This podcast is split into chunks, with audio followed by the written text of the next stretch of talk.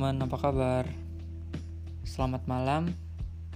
Semoga kalian baik-baik saja dan sehat selalu. Kembali lagi kepada podcast saya M. Abid Waradan, mahasiswa Ilmu Komunikasi Universitas Muhammadiyah Yogyakarta. Sebelumnya, saya sudah pernah membuat podcast dan semoga kalian yang pernah mendengar dan yang sudah mendengar sebelumnya tidak bosan. Oke, pada kesempatan hari ini saya ingin menyampaikan podcast tentang Lembaga Penyiaran Indonesia.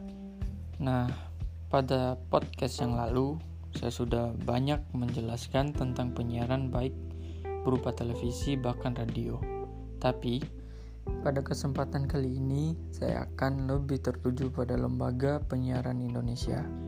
Lembaga Penyiaran Indonesia itu dibagi menjadi empat kategori yaitu yang pertama itu teman-teman lembaga penyiaran publik.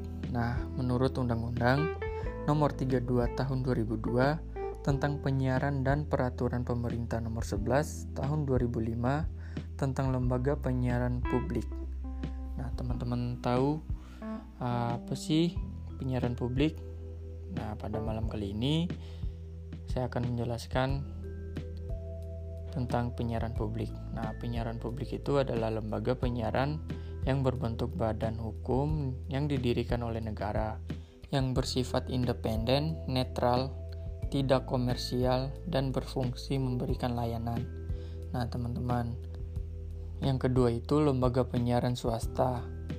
Nah, penyiaran swasta itu adalah lembaga penyiaran yang berbentuk Badan Hukum Indonesia yang bidang usahanya khusus menyelenggarakan siaran radio atau siaran televisi. Nah, teman-teman, yang ketiga itu lembaga penyiaran berlangganan. Teman-teman tahu kan? Nah, kalau teman-teman yang belum tahu, kali ini saya akan menjelaskannya. Nah, lembaga penyiaran berlangganan adalah lembaga penyiaran yang bersifat komersial berbentuk Badan Hukum Indonesia.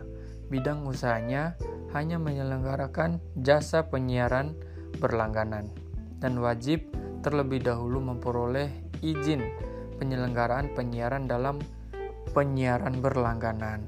Nah, yang keempat itu lembaga penyiaran komunitas. Nah, menurut Undang-Undang Nomor 32 Tahun 2002 tentang penyiaran, lembaga penyiaran komunitas merupakan lembaga bergerak di bidang pelayanan siaran yang berbentuk dalam bidang hukum Indonesia yang didirikan oleh komunitas tertentu bersifat independen dan tidak komersial dengan daya pencar rendah, luas jangkauan wilayah terbatas, serta untuk melayani kepentingan komunitas yang dapat melaksanakan tugas, fungsi, dan tanggung jawabnya berpedoman pada peraturan perundang-undangan yang berlaku. Nah, teman-teman, jika difasirkan, lembaga penyiaran adalah salah satu elemen dalam dunia atau sistem penyiaran. Secara implisit, lembaga penyiaran merupakan keseluruhan utuh dari lembaga-lembaga penyiaran atau bahkan sebagai lembaga memiliki pendiri, tujuan, visi dan misi, pengelola, perlengkapan fisik dengan kegiatan operasional dengan menjalankan tujuan-tujuan penyiaran serta tatanan nilai dan peraturan dengan perangkat-perangkat regulatornya. Nah, kalian tahu nggak sih bagaimana cara perusahaan-perusahaan besar mengelola agar dapat bekerja sama dengan stasiun penyiaran perorangan? Cara perusahaan besar itu lebih cenderung membangun stasiun penyiaran di kota besar dan perorangan di daerah. Apabila daerah-daerah tersebut berkembang pesat, barulah perusahaan tadi mengajukan atau menawarkan kerjasama. Nah, teman-teman, tapi menurut untuk menjadikan stasiun program tidak semudah yang kita bayangkan karena mereka yang harus memiliki surat izin terlebih dahulu. Dan peraturan yang berlaku tentang surat izin memiliki masa berlaku juga seperti stasiun penyiaran radio hanya berlaku sampai lima tahun, beda lagi dengan stasiun televisi, dia lebih panjang masa berlakunya yaitu 10 tahun. Nah, teman-teman, mungkin itu saja yang bisa saya sampaikan pada podcast kali ini.